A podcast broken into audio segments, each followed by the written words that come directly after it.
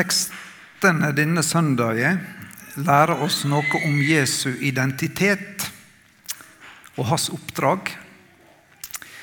Det er en enkel fortelling vi skal lese,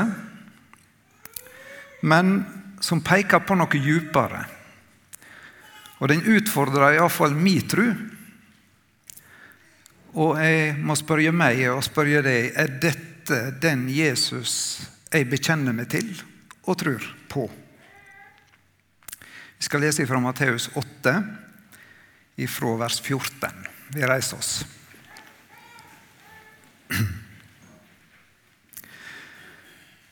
Da Jesus kom hjem til Peter, fikk han se at svigermora hans lå og hadde feber. Han rørte ved handa hennes. Da ga feberen seg, og hun sto opp og tjente han. Da det ble kveld, kom de til han med mange som var besette av vonde ånder. Han dreiv ut åndene med et ord og lekte alle som var sjuke.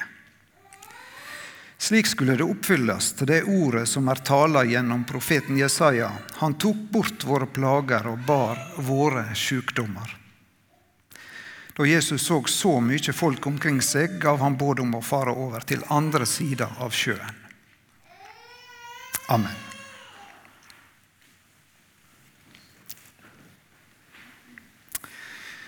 Det som skjedde, peker på hvem Jesus er.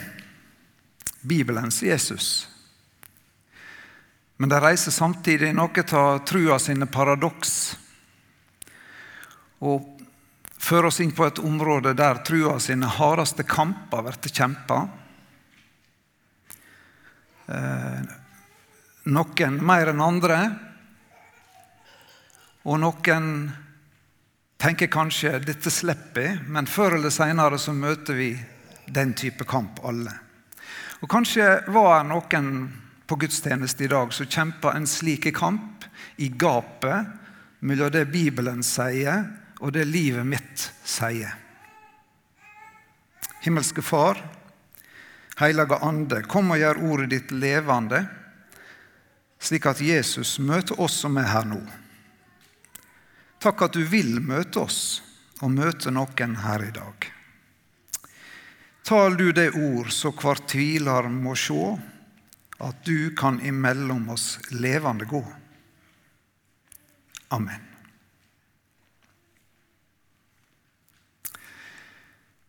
Bibelen lærer oss at Jesus er en person, og ikke bare en, en lære, en trosforestilling, som jeg har, og som du har. Han er ikke bare en individuell oppfatning der jeg former Jesus etter min tru og min oppfatning. Nei, Bibelen forteller at min tru eller din tru verken kan eller vil påvirke hvem Jesus er. Han er en person med en karakter og et vesen som er åpenbæra til oss i Bibelen. Det er han vi møter i teksten i dag. Eh, før jeg sier mer om teksten, så var det to historier som jeg har lyst til å fortelle. En. En kjenning av meg fikk for 15-20 år siden en alvorlig kreftsykdom med dårlig prognose. Stor sorg og spenning. Det ble salva og bedt for han. Og når han kom inn igjen på sykehuset til, eh, og skulle starte opp denne behandlinga, så var det foretatt noen nye undersøkelser. Da fant de ingenting. Han lever i dag, det beste velgående, og har ikke hørt mer om den sykdommen. Det var et under for oss.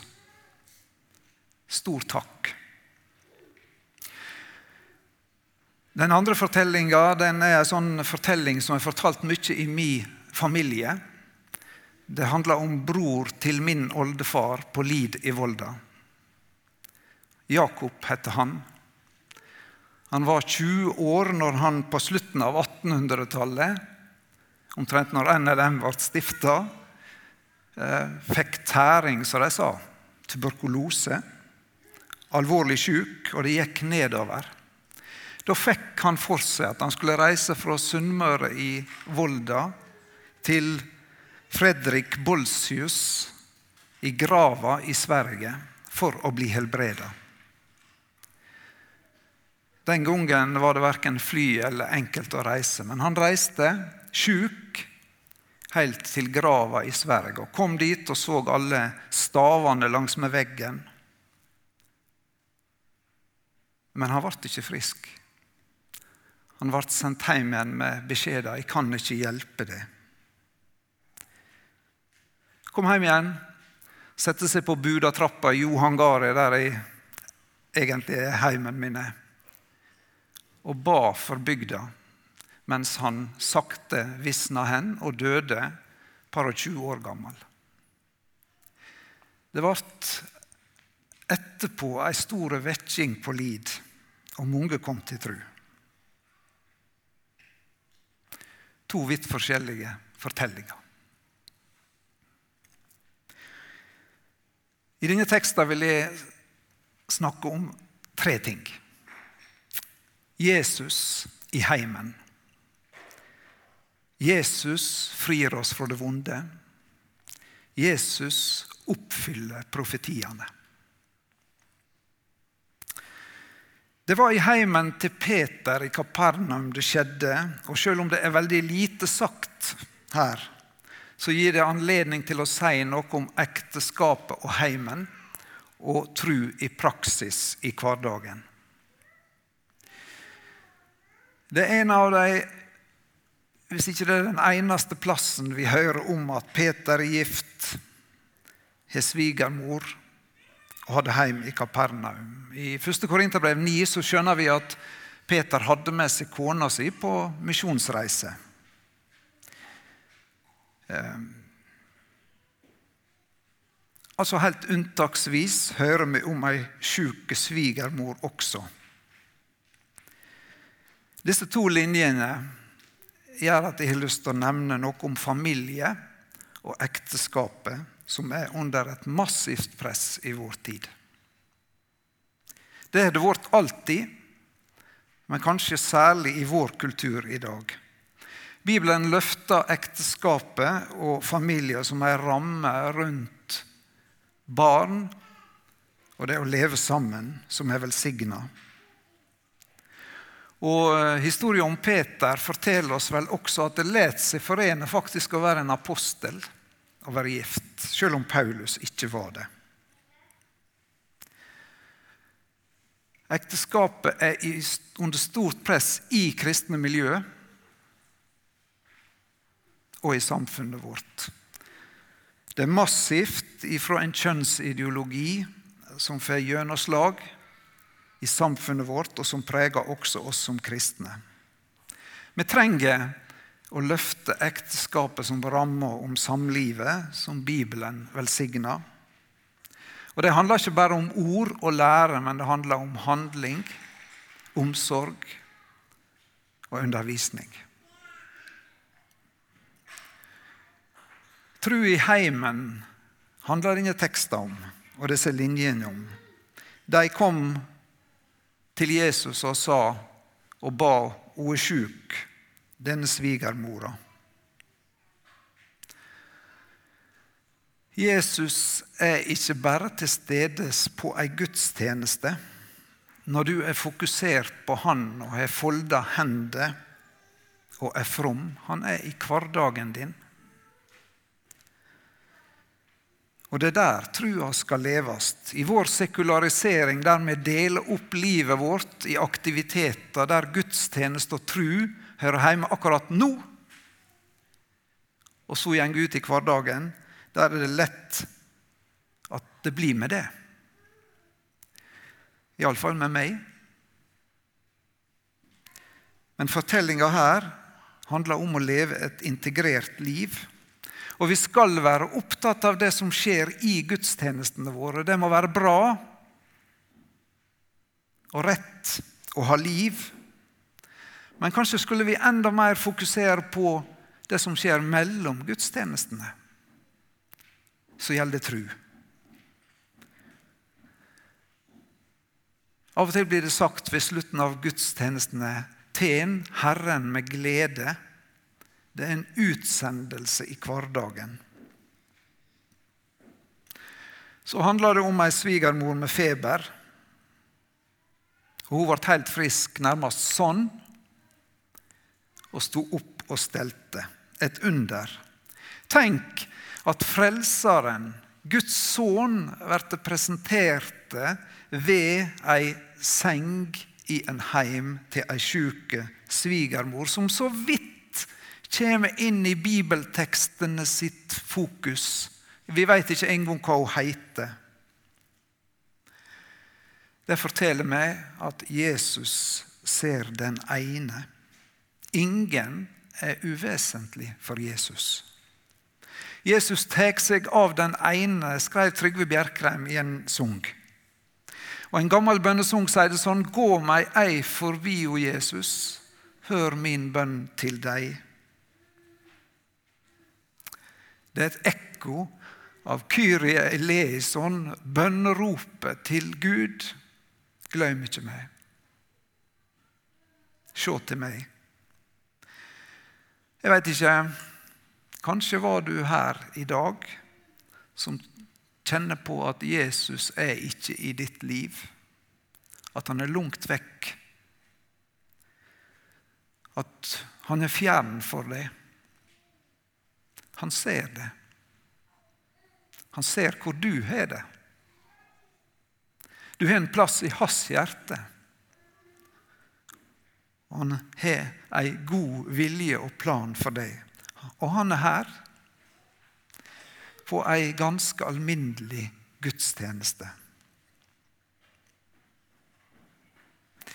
Vi lovpriser Gud og Jesus som opphøgde, som den Gud, evige Gud han er.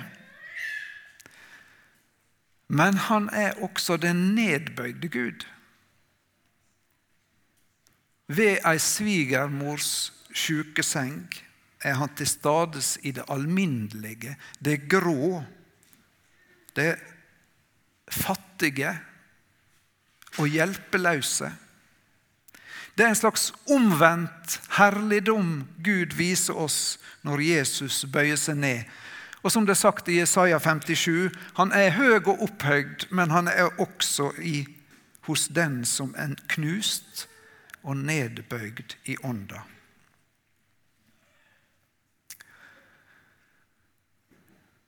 I dag skjer det ved hans folk på jord.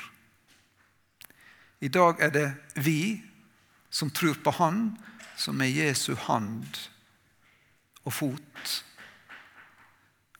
og som skal se til den nedbøyde og knuste.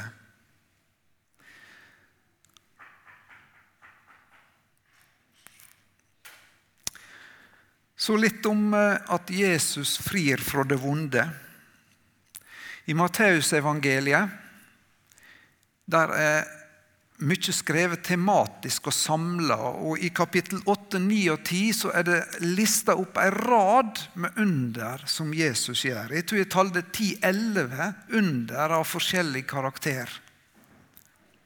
Alt ifra til å stille stormen, til å drive ut vonde ånder, til å vekke opp døde. Det er overveldende. Hva forteller disse undera? Hvorfor gjorde Jesus så mye da? Det skulle fortelle hvem Jesus var. Det forteller hans identitet. Gud har steget ned. Det er Messias, Guds lidende tjener, som Jesaja profeterer om, som står her blant læresveina og i en heim i Kapernaum. Undera er et signal om at han er her. Det er han. Han skal ta bort våre plager og bære våre sykdommer, står det i vers 17 i teksten vår. Han skulle frie mennesker fra synda si forbanning. Den kollektive forbanninga som hviler over syndere.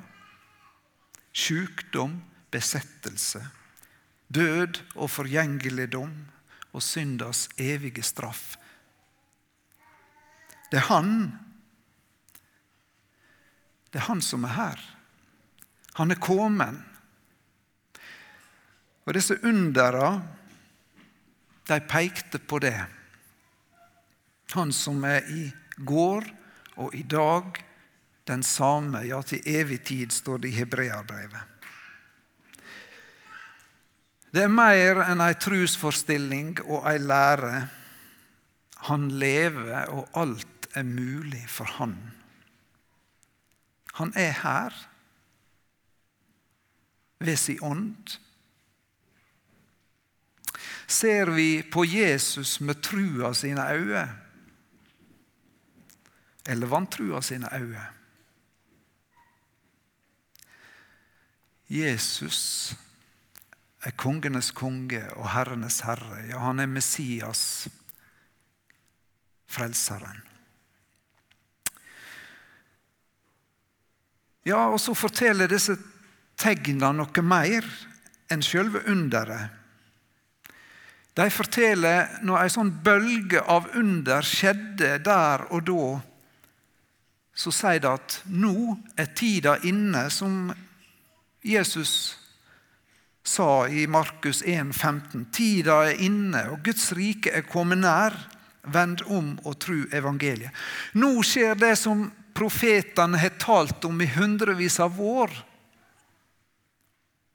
Det som de har venta på her i Israel. Og så peker det mot det som var lest fra Jesaja 53 som tolker påskehendingene for oss. Denne bølga av under peker bakover på frelseslovnadene den gangen. Og som står i Johannes 2, at disse teikna gjorde Jesus for å åpenbære sin herligdom, og læresveinene trodde på han. I motsetning til magikere og andre undergjørere og falske messier, så hviler Jesus sine under i en stor sammenheng og peker på noe større. Undera peker på at nå kommer ei evig utfriing. En ny tid er her. Han er kommet utfrieren fra synda og dødens lov. At Jesus kom, betydde at Guds rike er nær og tilgjengelig for hver den som tror. Utfriing fra det vonde kan bli min og din. Så peker det jo framover også at den endelige utfriinga skjer når Guds rike blir fullenda.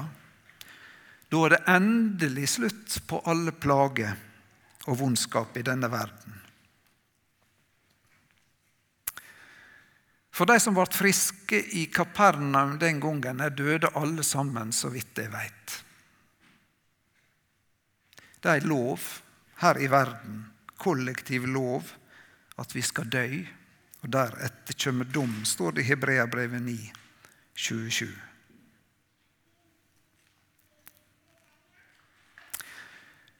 Men etter det er det ei evig utfriing for den som tror på Han.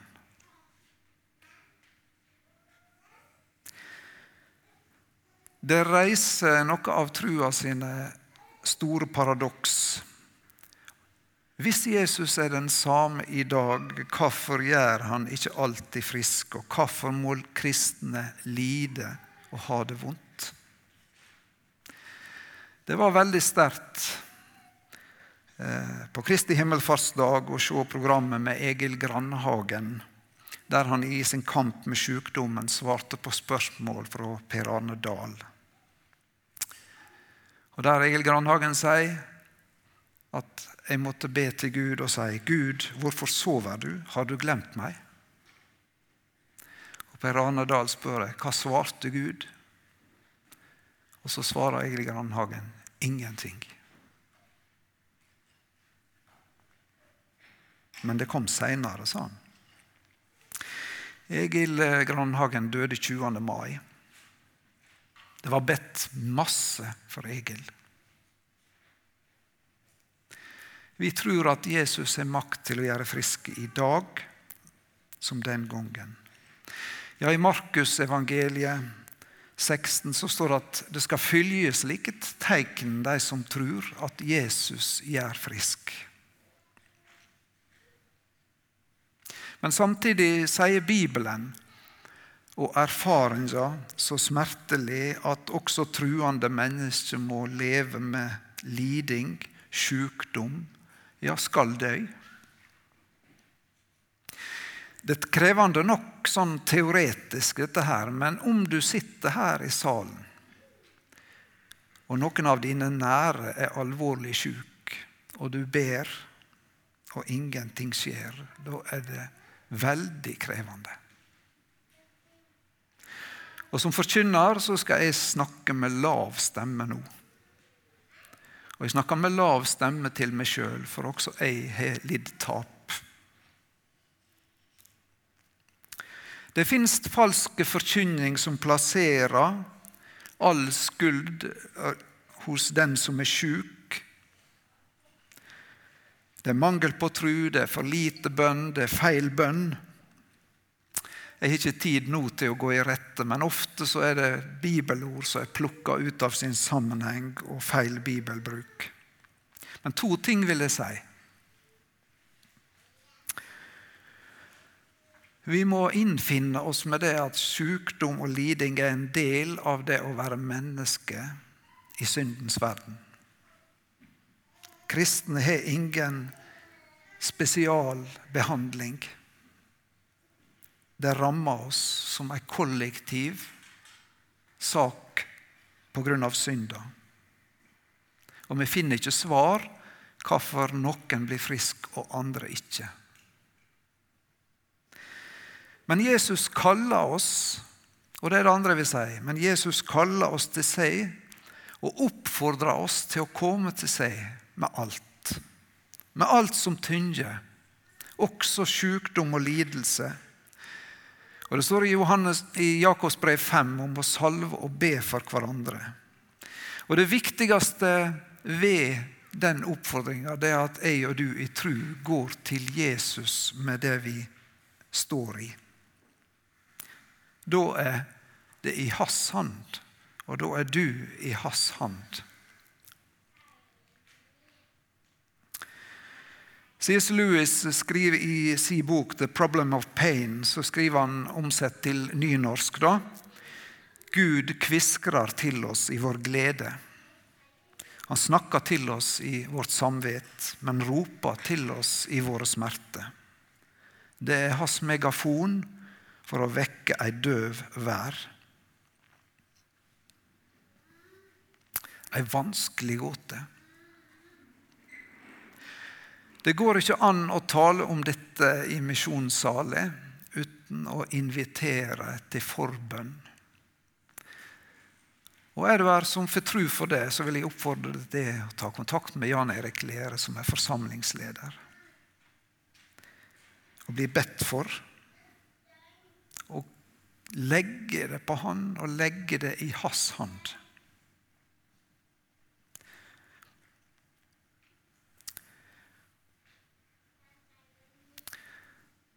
Så til slutt vil jeg si noe om at Jesus oppfyller profetien. Det er sitert litt annerledes i Matteus, denne profetien som var lest fra Jesaja. Der det sto sannelig våre sykdommer tok han på seg, og vår smerte bar han. Vi tenkte han er ramma og slegen av Gud og plaga, men han ble såra for våre brudd, knust for våre synder. Straffa lå på han, vi fikk fred. Ved hans sår har vi blitt lekte. Guds ord kobler vår sykdom og vår synd sammen. den kollektive synda til oss mennesker, gjør at vi lever i ei sånn ramme. Men tolkninga av det Jesus gjorde på Golgata, da han døde, lei og sto opp for oss, blir tolka i Jesaja. Og det blir tolka av Paulus og av Jesus sjøl. Han tok på seg ikke bare det kollektive, som han skal ordne opp når Guds rike blir fullenda, men han tok på seg mi personlige synd mine brest, mine feil. Han tok det på sin kropp opp på korset for at jeg skulle stå fri som et Guds barn for Gud. For at jeg kan være frimodig selv om jeg er en synder. Selv om jeg ikke passer til å være en kristen. I det Jesus har gjort, er jeg for Gud rein og verdig. Døra til det evige helbredelse, den er åpen her i dag. Jeg vil innbyde til det. Kanskje du sitter her med tunge bører i samvittet ditt med opplevelser, med ting du har gjort som tar frimodigheten, og som gjør at eh, du tenker jeg er liksom bare litt kristen. Jeg er ikke særlig kristen. Vondskap du skammer deg over. Vil du bære det sjøl? Innbydinga i dag er å komme til Jesus. Han er her levende mellom oss. Tru er ikke et medlemskap. Tru er liv. Herre Jesus, vi kommer til deg. Takk at du lever og er slik ordet ditt forteller. Vi har snakka om flere ting. Vi ber Herre om at vi må få leve som kristne i hverdagen. Gi oss frimodighet til det og vise ditt hjertelag og din kjærleik. Og bøye oss ned, ta tid, bryet, til å se mennesket i nød. Så ber vi Herre Jesus om at eh, du må se til sjuke. Til de som kjemper med ting, og som lir.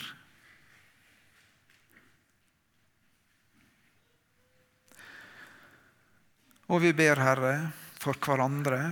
At vi må legge på deg all vår synd og skam. Takk at du tar det bort. Og la oss være frimodige og glade kristne. Amen.